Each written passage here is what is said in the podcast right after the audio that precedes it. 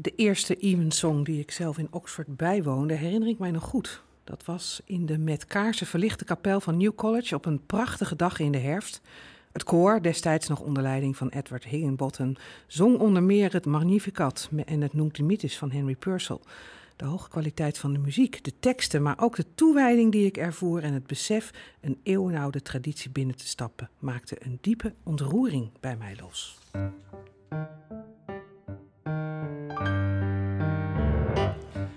Was een tekst van Dr. Hanna Rijke, theoloog en muzikus. Werkt als docent en onderzoeker aan het Rotterdams Conservatorium. Haar onderzoek The Art of Chanting richt zich op de Engelse kathedrale muziek in Nederland. Ze promoveerde in 2017 aan de Protestantse Theologische Universiteit in Amsterdam op de dissertatie My Soul Doth Magnify. The Appropriation of the Anglican Choral Evensong in the Netherlands. En was van 2013 tot 2017 als promovenda verbonden aan de PTHU. Ze werkt nu als postdoc researcher aan een vervolgonderzoek over de Choral Evensong. En deze maand verschijnt haar boek over de Choral Evensong in de praktijk. Welkom, Hanna Rijken. Dankjewel. Een mond vol. Ja. En even terug naar die eerste tekst. Wat ontzettend mooi beschreven, jouw eerste ervaring. Ja, het was ook echt zo bijzonder. Echt gewoon dat je daar zat. Dat, nou ja, en dat het zo diep binnenkwam, dat je zo diep geraakt werd. Ik zal dat nooit vergeten. En wat, wat was dat dan precies wat jou dan uh, toen greep? Nou, het was een gewone door de weekse middag in de herfst. Echt zo'n beetje zo'n druilerige herfstmiddag. En dat je daar dan komt in, in zo'n kapel met kaarsje verlicht en dat er een koor binnen schrijdt en weergaloos mooi zingt. Zo weergaloos mooi dat ik weet nog dat gewoon het blaadje in mijn hand ging trillen, omdat het zo boventoonrijk was. Gewoon zo zuiver, maar, uh, maar ook die teksten, de bijbelteksten en de teksten van, van de, de hymns en de, uh, de, de gezongen onderdelen. Het was zo ontzettend mooi. En ook de rituelen. Dus het koor dat daar binnenkomt, schrijdt, naar het oosten keert en weer teruggaat. En dat, je bent daar ineens onderdeel van. Je maakt dat mee. En je gaat compleet anders naar buiten als dat je naar binnen bent gekomen. En voor mij was het zo, zo ontzettend mooi. Ik was echt tot tranen toe geroerd. En voor mij kwamen op dat moment ook twee werelden samen. Want nou ja, ik studeerde toen theologie en conservatorium.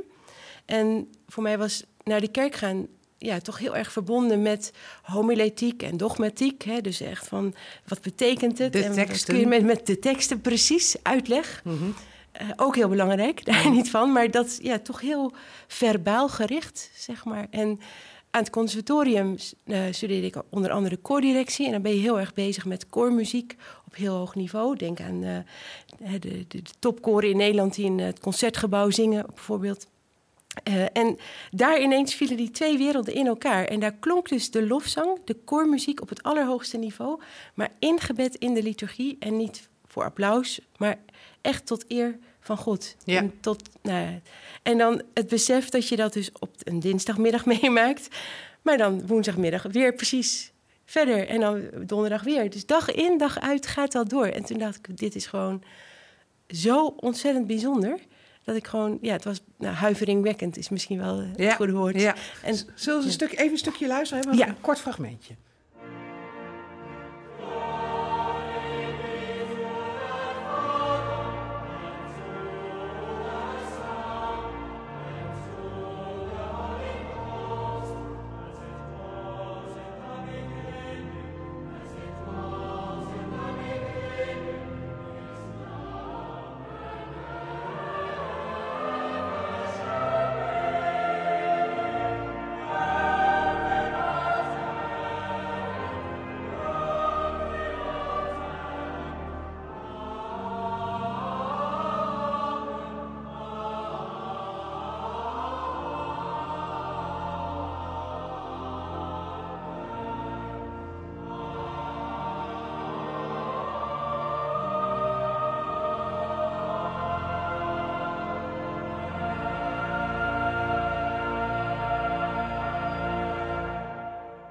Wat hoorden we nou, Anne? Prachtig, ja. Dit, dit is de doxologie, zo heet dat dan. Ja. Dus de lofprijzing, ook wel het Klein Gloria genoemd. Mhm.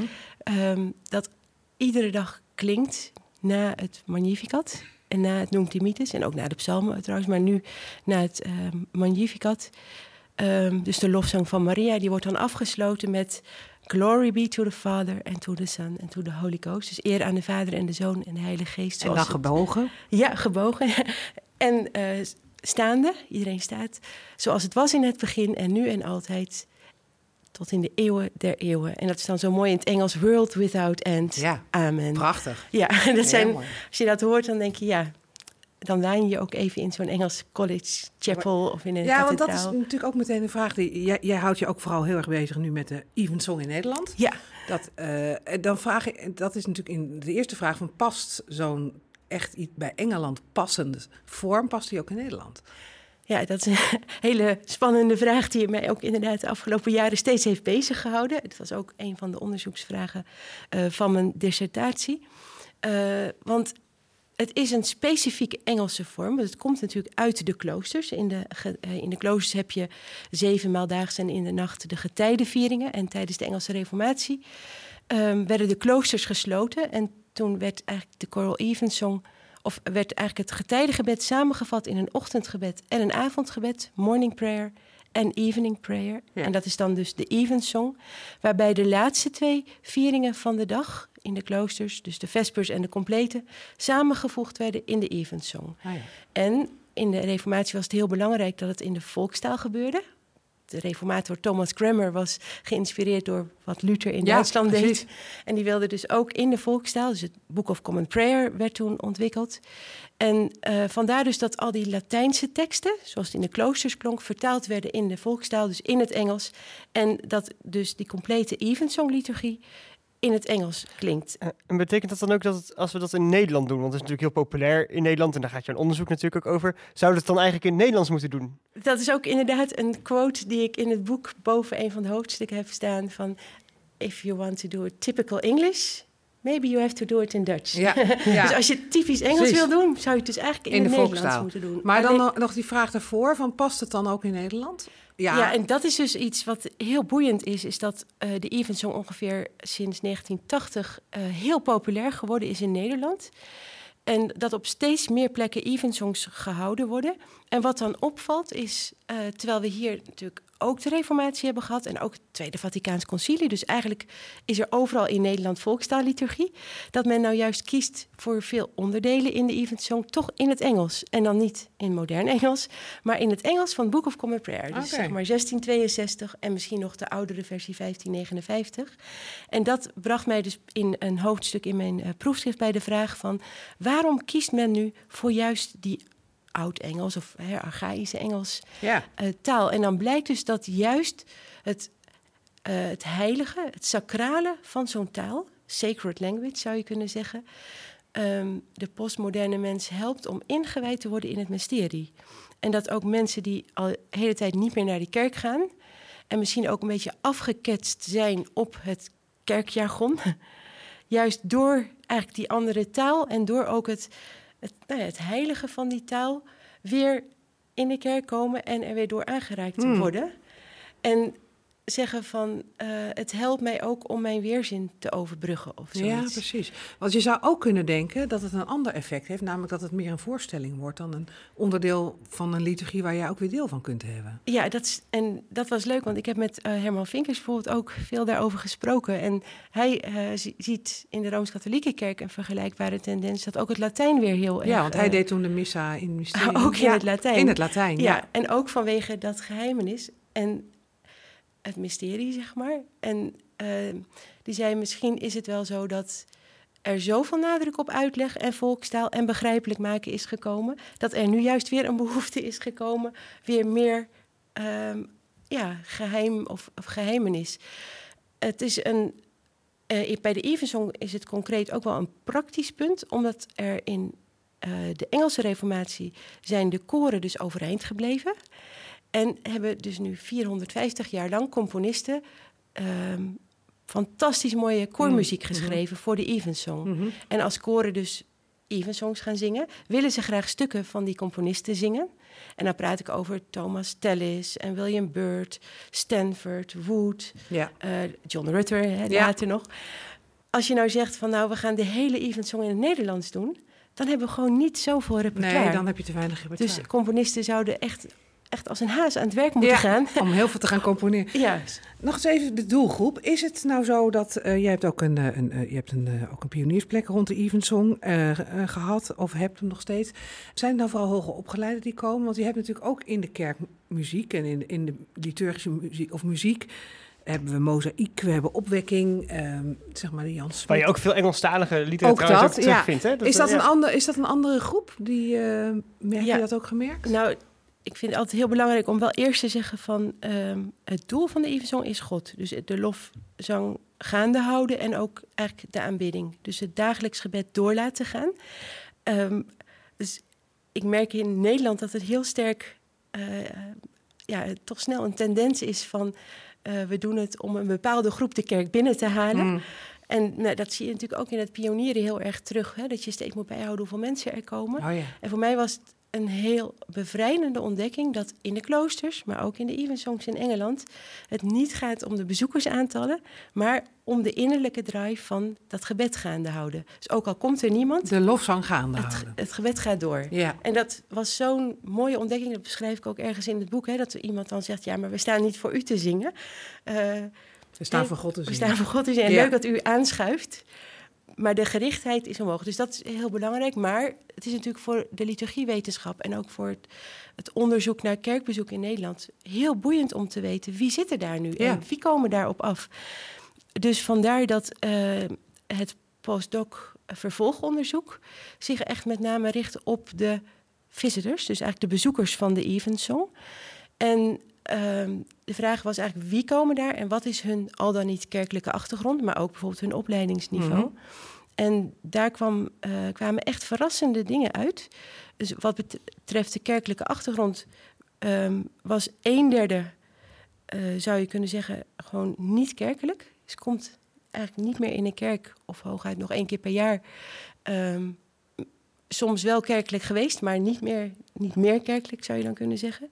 En een derde is afkomstig uit de hele breedte van de kerk. Dus van Rooms-Katholiek, Oud-Katholiek, de hele breedte van de PKN, Baptist, doopsgezindheden, allemaal. En een derde is specifiek uit de uh, gereformeerde gezinten. Uh, en dat is ook heel opvallend, terwijl je dat in Engeland helemaal niet zo ziet. Nee, nee. En de Puritans, die... die zijn niet die zijn niet, bij de eh, Evensong, nee. nee. En maar wat ook interessant was, is dat de, het er naar voren kwam dat er een, het opleidingsniveau heel hoog is. Ik geloof Ja. dat 90 HBO of hoger Oh, kijk. had. Ja, precies. En 30% ook WO. Eh, dus dat, en dat is misschien wel een groep op wie bijvoorbeeld missionair werk in Nederland zich niet direct richt. Hè, want dan wordt al gauw gezegd, het moet, niet, ja, het moet begrijpelijk zijn voor Ja. iedereen. En het valt dus op dat die dus wel bij de Evensong komt. En in Engeland is dat wel eh, in zekere zin vanzelfsprekend... omdat er heel veel college choirs in de universiteitssteden zitten. Hè. Dan heb je het over Cambridge en Oxford Ja. en Canterbury. Ja, Eh, en in Nederland zie je dat dus eigenlijk over de hele breedte van de kerk terug. Eh, of eh, de breedte van de Evensongbezoek moet Ja. ik dan zeggen. maar eigenlijk zou je Het- kunnen zeggen, zo'n Evensong is ook een manier om een, een hoog, de hoogopgeleide mensen te bereiken. Ja, Of, nou ja, nee, het mocht geen evangelisatiemiddel zijn, maar te betrekken, we het zo noemen. ja. En zeg maar, de, de, de laagdrempeliger muziek die ik noemde, die vindt zijn weg wel. Is dat wat je zegt? Nou, kijk, dan zou je ook moeten zeggen... dan gaan we ook onderzoek doen bij Mozaïek... of we gaan ook bij EO Jongerendag onderzoek doen. Want daar heb ik geen data van, dus ik kan ook niet zeggen van... nou, daar ligt het opleidingsniveau een stuk lager bijvoorbeeld. Het grappige is, ik, toen ik het boek las, moest ik heel veel denken aan mijn vorige gemeente, Martinikerk in Groningen, waar we ook eh, dit soort achtige diensten organiseerden. En daar zag je ook bijvoorbeeld dat studenten eh, vaak allebei meepakten. Dus die gingen dan 's ochtends naar eh, een, een evangelische gemeente en dan s'avonds pakten ze even de, de Evensong zongen mee. Dus mensen die zijn ook wel in staat om verschillende stijlen te, te combineren of zo, denk ik. Hè? Dus, dat, eh, dus mensen kiezen ook gewoon dingen die, die ze leuk vinden, of eh even Ja. gezegd. Ja. Ja. ja. Ja, en dat, want er was ook een vraag naar welke muziek luistert u graag? En daar was ook echt 95% luisteren naar klassieke muziek. En speelt ook zelf een instrument. Ehm, of zingt ook zelf. Maar dan zie je bij jonge mensen inderdaad dat ze eh, klassieke muziek hadden aangevinkt. En ook pop, Oh ja. bijvoorbeeld. Ja, dus gewoon samenstellen. En in Engeland weer- folk, dan eh, of folk, hoe noem je het? Ja. Hoogleraar liturgie eh, Marcel Barnard noemt dat bricolage, maar dat vind je dus in de muziek ook weer terug. Ja, dus Ja. echt. En ook een soort, wat je dan zegt, free cherry picking. Hè? Dus het, het kiezen wat je wilt en daar naartoe gaan. Ja. Dus niet met het idee van ik pas daar, dus ik, daar ga ik helemaal in, zeg maar. Hoppen. Of Ja, precies. Ja. Nou, we praten zo verder. Eerst eh, wil ik u ook even vertellen dat deze podcast onderdeel is van het platform theologie.nl. 1400 theologische blogs, 650 theologische boekrecensies en honderden theologische artikelen staan voor je klaar om te lezen. En als luisteraar hebben we voor jou een leuk aanbod. Lees alles op theologie.nl één maand gratis. Ga naar de site en kies lid worden en gebruik dan de code podcast tijdens je bestelling. Tot ziens op theologie.nl. Ja, Mark de Jager en ik praten vandaag met onze hoofdgast Hanna Rijken. We spreken over Evensong, over de liturgische praktijk in Nederland, over liturgie. Tijdens, nou ja, de paastijd ligt net achter ons. Hanna, laten we het daar eens even over hebben. Hoe, eh, hoe kijk jij naar de liturgische praktijk in Nederland op dit moment rond bijvoorbeeld de 40 dagen en, en de paastijd? Wat, wat kan je daarover zeggen? Je ziet dat er steeds meer aandacht voor rituelen lijkt te komen. Dus dat ehm, nou ja, op steeds meer plekken bijvoorbeeld het begin van de 40 dagen tijd, dus als woensdag, eh, gevierd wordt met ehm, een, ehm, het verbranden van de palmtakjes en dan het askruisje bijvoorbeeld. Dat er ook aandacht besteed wordt aan het vasten, dus de 40 dagen vastentijd. En ook zie ik om me heen steeds eh, meer vespers in de Goede Week bijvoorbeeld. Of de hele 40 dagen tijd, dus avondgebeden, eh, waarin bijvoorbeeld ja, verstilling en eh, gebed en lezing heel belangrijk zijn. En nou ja, het zou mooi zijn om dat ook nog verder te onderzoeken. Maar Er ik, liggen hier weer allerlei onderzoeken. Ja, ik heb het idee dat daar steeds meer ehm, Ja. aandacht voor is. En, en je noemde net ook dat eh, bij de Evensongs, dat er b- bijvoorbeeld ook vanuit de gifmeerde gezinten er best wel wat mensen daar interesse in hebben en zo. En volgens mij zie je dat ook wel bij die eh, wat meer liturgische invulling van de 40 dagen tijd en, en Pasen en zo. Hè? Dat, dat er op allerlei plekken ook weer nieuwe vormen opduiken waar je ze misschien eerder helemaal niet had verwacht of waar ze eerder niet hadden gekund. Precies, ja, die aandacht voor eigenlijk kerkelijk jaar met alle eh, rituelen en eh, onder, ja, eigenlijk, eh, onderdelen, dus muzikale onderdelen of ja, de ri- rituele onderdelen die daar dan bij horen, die zie je inderdaad ook in de gereformeerde gezinten steeds Ja. vaker komen. En dat is, vind ik heel boeiend. Eh, een van de stellingen van mijn proefschrift was dat eigenlijk de terugkeer van getijdenliturgie, van gewaden, van kaarsen, van rituelen, eh, überhaupt ook van koorzang, eigenlijk laten zien dat de gereformeerde reformatie op het terrein van de liturgie wellicht te stellig is geweest. Alles eruit gegooid. Ja. En nu beginnen we langzamerhand weer wat dingen terug te halen. Precies. Maar ik kan me voorstellen dat dat ook best tot discussie en, en ingewikkelde situaties kan leiden in gemeentes. Ja, en daar gaat inderdaad ook het boek over. Want ehm, je ziet dus nu dat er via die Evensong weer aandacht voor koormuziek is. En voor een gezongen collectagebed bijvoorbeeld. Of voor het keren naar het oosten het uitspreken van de geloofsbelijdenis. Maar de hele context daaromheen, die is niet mee veranderd eigenlijk. Dus die zit nog, of nog, maar die is eh, of klassiek gereformeerd... of ehm, eh, nou, in ieder geval nog vanuit de gereformeerde reformatie gedacht. En dan kun je zeggen, nou oké, in de Evensong doen we het even na, zoals het in Engeland is. Maar ik wil in het boek eigenlijk een vraag daaronder leggen van wat doen we eigenlijk en waarom doen we dat? Ja. En als we dat in de Evensong doen, waarom doen we dat dan? En zou je het dan ook niet op zondagmorgen Ja. moeten doen? Oh, jij wil meteen een hele grote revolutie eh, plaats Nou ja. laten vinden. Ik denk, kijk, in Engeland is op een gegeven moment ook de Oxford Movement geweest. En daar zat ook de, de Cambridge Camden Society bij. Dat was een, eigenlijk een ecclesiologische beweging die ook deze vragen heeft gesteld. Hmm.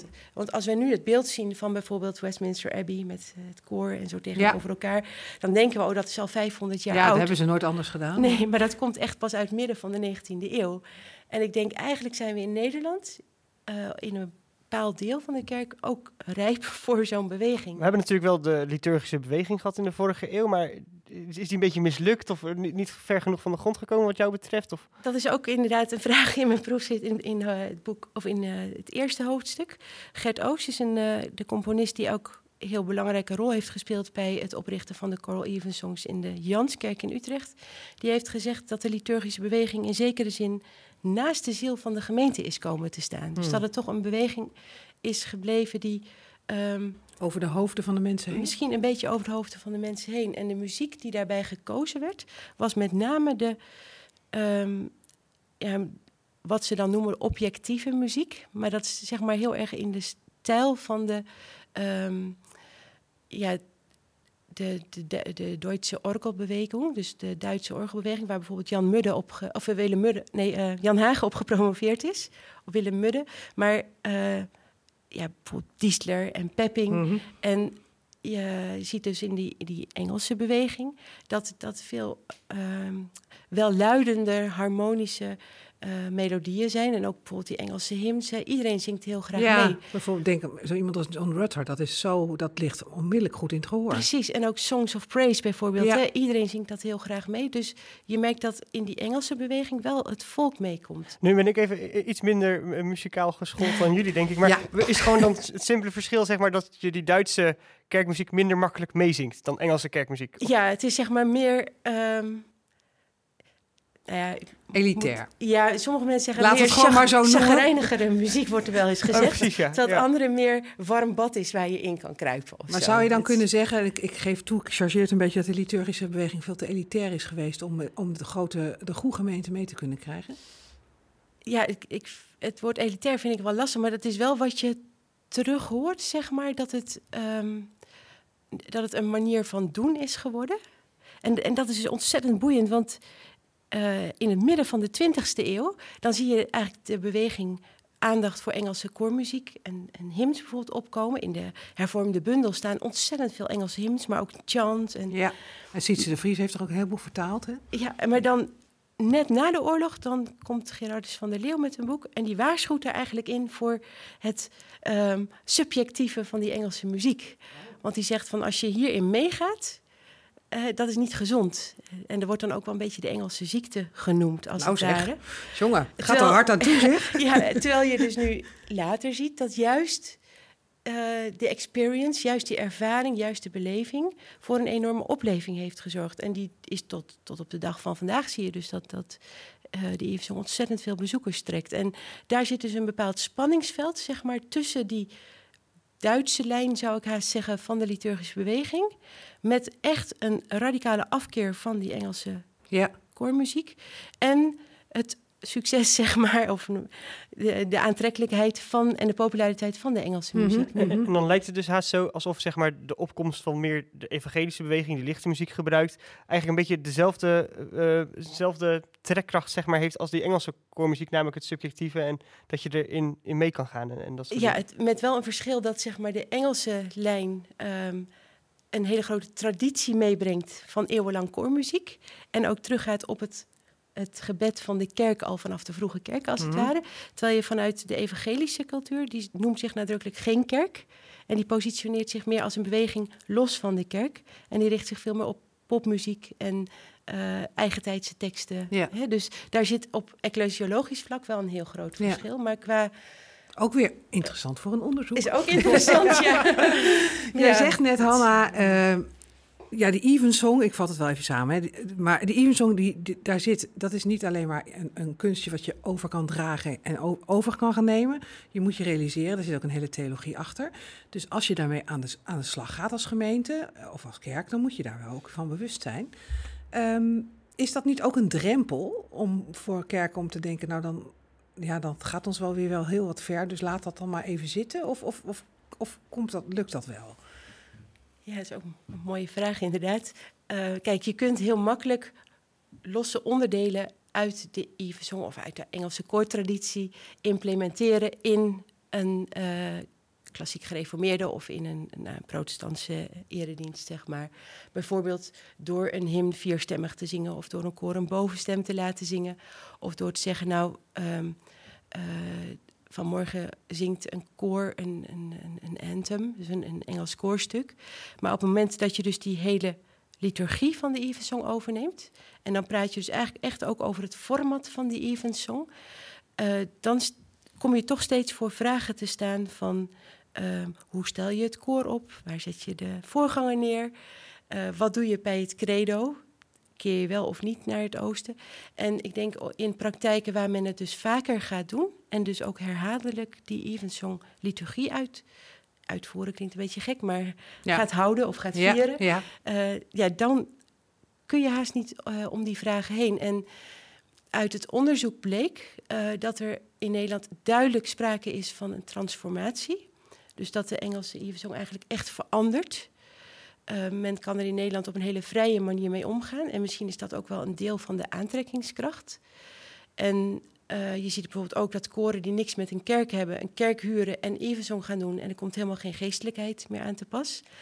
Terwijl ik dan wel vanuit de kerk gedacht denk van ja, daar wordt liturgie gevierd. Ja, compleet los van wees de kerk. erbij. Ja, omarm het. Zorg dat je er bent. Precies. En dan zou dus in Engeland zou dat echt niet mogelijk zijn nee, eigenlijk. want daar uh, heb je altijd toch de vaste... Daar is het zo verbonden aan Daar is het altijd Anglikaans, uh, ja. Ja, maar hoe zou je nou... Want het is duidelijk een vorm die echt mensen trekt... die misschien wel een beetje het contact met de kerk verloren zijn. Dus een, ook een, een mooi om, me, om mensen weer te kunnen betrekken. En misschien ook wel nieuwe mensen. Wat, stel nou een gemeente uh, gereformeerde kerken uit, weet ik veel waar. Nou, laten we zeggen... Ja. Dwingelo, toevallig.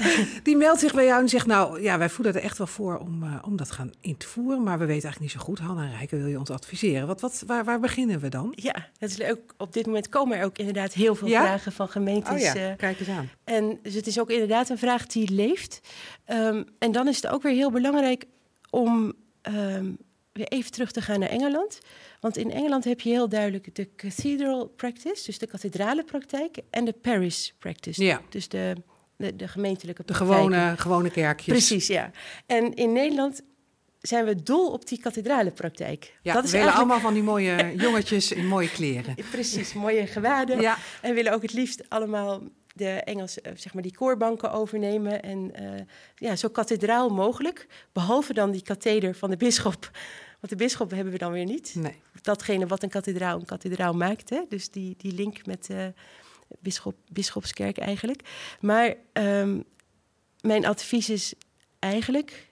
Uh, vandaar ook dat er in het boek een hoofdstuk staat over die kathedrale praktijk en over de, de parish-praktijk. Om in Nederland vormen te ontwikkelen die afgestemd zijn op de context waarin je de Evensong viert.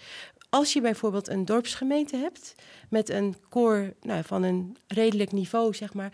Um, grijp dan niet meteen naar die allermoeilijkste kathedrale stukken, maar zorg dat het zeg maar de easy anthems zijn bijvoorbeeld, dat het koor goed kan zingen. -hmm.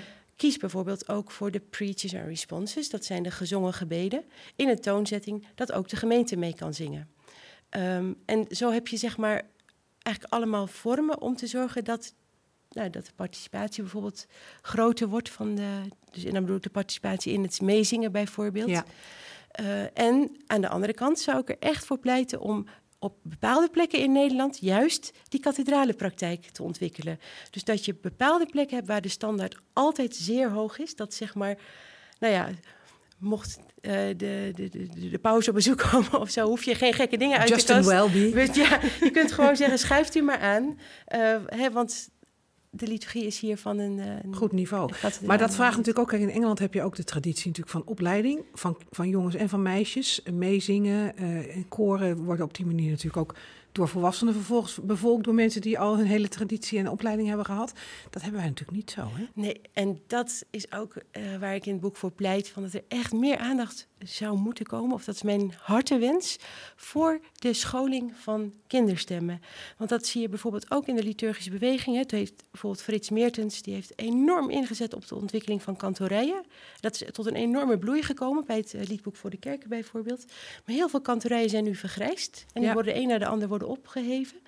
En terwijl je in Engeland ziet, er is altijd die aanwas van onderaf. Die scholing begint al als kinderen hè, een jaar of zes, zeven zijn. Hoe oud zijn jouw kinderen? Ja, die zijn uh, nu 2 en 0. Oh, ja. dat beetje, beetje, ze kunnen wel heel veel lawaai maken, maar daar zingen dat is... Uh, Over een paar jaar. Ja, hè? precies. Ja, maar uh, en daar zie je, zie je dus ook weer dat in de reformatie in Nederland de koren uh, geschrapt zijn, maar ook de koorscholen eigenlijk geschrapt zijn. En um, nu komt het dus terug, maar allemaal los van de kerk. Er worden op verschillende plekken, je hebt de, de Kampen Boys Choir, je hebt Ja, de Rode, Rode Boys Girls Choir. Choir. ja. Ja, en uh, ook los van de Engelse koorscholen heb je bijvoorbeeld ook, uh, uh, hoe noem je dat, een nationaal kinderkoor en zo. Dus ook los van de kerk, zeg maar, zie je die beweging. Maar um, je krijgt dan de gekke situatie dat uh, die koren een kerk moeten gaan huren om de taak van de kerk, dat is namelijk de lofzang gaande houden, uit te kunnen voeren. En aan de andere kant, als een kerk Evensong wil gaan houden en daar een hoog niveau heeft, moet zij dat koor gaan inhuren. En Mm. dat kost heel erg veel geld. Dus aan, aan alle kanten, zeg maar, krijg je een, een, een situatie met een kloof ertussen. En ik hoop heel erg dat die kloof overbrugd gaat worden. Dat die kerk, zeg maar, die scholing, die koorscholen, net als dat het eigenlijk altijd is geweest, al en dan in de kerk, maar ook al in de, in de Bijbel, in het Oude Testament. Hè, de, de Levieten die waren vrijgesteld voor, het, uh, voor de koorzang, voor, de, voor het zingen in de, in de, in de tempel. En, Ja. uh, ja, die, die waren daarvoor eigenlijk toegerust. En ik denk eigenlijk, ik hoop heel erg dat dat weer van binnenuit de kerk uh, gehouden kan worden. Ja. Nu vertelde je aan, aan het begin van het gesprek dat zeg maar 95% of zo van de mensen die zo'n Iversong bezoekt is hoog, opge, hoog opgeleid. Als je echt inderdaad van onderaf koren wil gaan opbouwen en zo, zou je toch denk ik ook echt wel de hele breedte van de kerk ook qua opleidingsniveau, qua achtergrond en zo kunnen, kunnen betrekken. Zijn er manieren om de Evensong toegankelijker te maken voor zo'n publiek? Of andersom, dat publiek toegankelijker voor de Evensong? Of? Ja, eigenlijk denk ik wel dat, um, dat de Evensong al behoorlijk toegankelijk is. En dan bedoel ik bijvoorbeeld dat uh, Songs of Praise bijvoorbeeld, hè, die hymns en, en ook Nederland muziek, zingt. Nederland, ja. Zit Nederland ook dat soort ook, hymns in. Precies. Ja. ja. Dat uh, mensen uh, misschien niet hebben meegemaakt, maar als ze het meemaken, het ontzettend mooi vinden. Dat is ook mijn ervaring, zeg maar.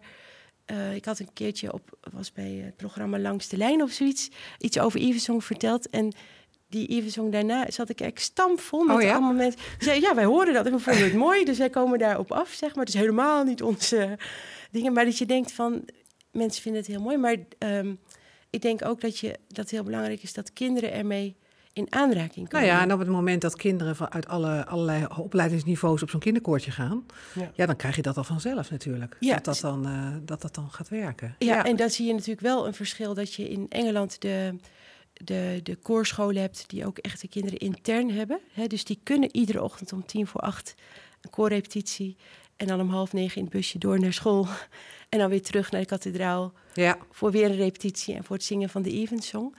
Um, maar toch zie je in Nederland op sommige plekken ook al dat, uh, dat het lukt om op drie keer in de week bijvoorbeeld te repeteren. Hmm. En om te zorgen gewoon dat, die, dat het niveau heel hoog is. En ja, je ziet dan toch um, dat kinderen houden van zingen. En ik zal nooit vergeten, uh, want mijn eigen dochter die heeft op de kathedrale koorschool gezeten in Utrecht. En toen was het op een gegeven moment het afscheid van groep 8. En toen werd er gevraagd van, uh, mochten de kinderen zeg maar hun vinger opsteken van, jullie mogen nu een keer zelf kiezen welk lied er in de kerk gezongen wordt. Mm. Uh, steek maar je vinger op en dan. En toen ging de een naar de andere vinger omhoog van het Halleluja van Hendel. Van Ah. het Halleluja. Ja. Of uh, dat je in één keer denkt van, oké, okay, dat vinden kinderen dus het allermooist. Terwijl je dat nooit zou verwachten. Dan zou je toch denken, want zij doen op de basisschool ook enorm veel kinderliedjes. En, ja, en een kind van 12 zegt dan toch, doe mij maar Hendel. Precies. En Ja. dan denk je van, dat, is zo... Maar kijk, je ziet wel in heel Nederland, ook met meer muziek in de klas... Hè, waar ook eh, eh, koningin Maxima en, eh, en hoe noem je dat, een gastvrouw of Ambassadeur. ambassadeur van is, precies. Dat wel die aandacht, eh, dat er steeds meer aandacht voor komt. Dus ik zou zeggen, kerken, doe daar aan mee. Ja, goed. Nou, Hanna, we spreken je over een aantal jaar graag weer. En dan kijken we eens even hoe het ermee staat. Ja. En of jouw oproep ook gehoord is. Dank je wel voor dit gesprek. Mooi om eens even ook een kijkje in de diepere lagen te krijgen van, eh, van de Corrie. Dank je wel, ook namens Mark. En, eh. Als u als luisteraar nog meer wilt weten van dit platform waarop deze podcast verschijnt, kijk dan op theologie.nl voor nog veel meer actuele theologie en blijf ons volgen. En abonneer je natuurlijk ook op de Theologie Podcast.